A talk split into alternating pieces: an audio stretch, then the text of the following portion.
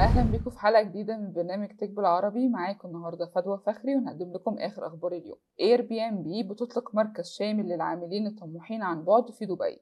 Binance بتسمح بشراء العملات المشفرة باستخدام Apple Pay و Google Pay شركة دبي للطيران والفضاء بتحصد 800 مليون دولار.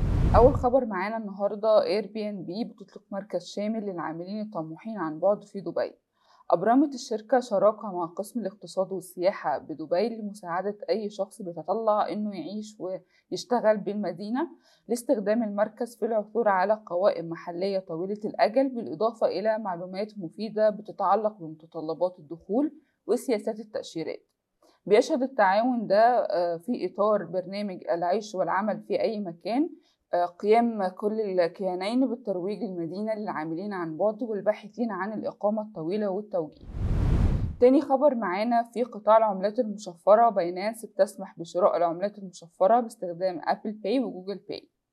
بيمكن دلوقتي للمستخدمين إجراء المدفوعات من خلال Apple Pay و Google Pay باستخدام بطاقات الخصم والائتمان علشان يبدأ المستخدمين إن هم يستخدموا الخاصية دي يجب عليهم إن هم يلبوا متطلبات التحقق قبل استخدام الميزة الجديدة وفقا لسياسة Binance وبتعد الخطوة دي محطة مهمة في تسهيل شراء العملات الرقمية عبر تطبيقات الدفع عبر الإنترنت واللي هيؤدي لتعزيز انتشارها وتعميمها بالكامل.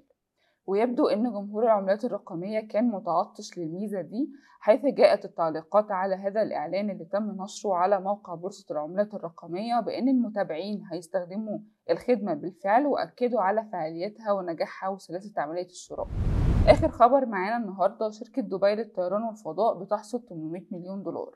وقعت مؤسسة دبي لصناعات الطيران بالإمارات صفقات تمويل جديدة بقيمة إجمالية بتبلغ 800 مليون دولار للحفاظ على سيولة استثنائية وميزانية عمومية قوية.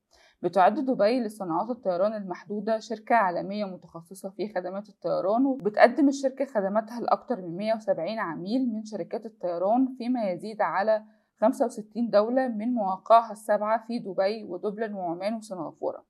ومن جانبه قال الرئيس التنفيذي لشركة دبي لصناعات الطيران إن توقيع هذه التسهيلات التمويلية هيؤكد التزام دبي لصناعات الطيران بالحفاظ على سيولة استثنائية وميزانية عامة قوية في بيئة أسعار الفائدة الحالية. وفقا لبيان صادر من الشركة. وبكده نكون وصلنا لآخر نشرتنا النهاردة ونشوفكم بكرة في حلقة جديدة من برنامج تك بالعربي.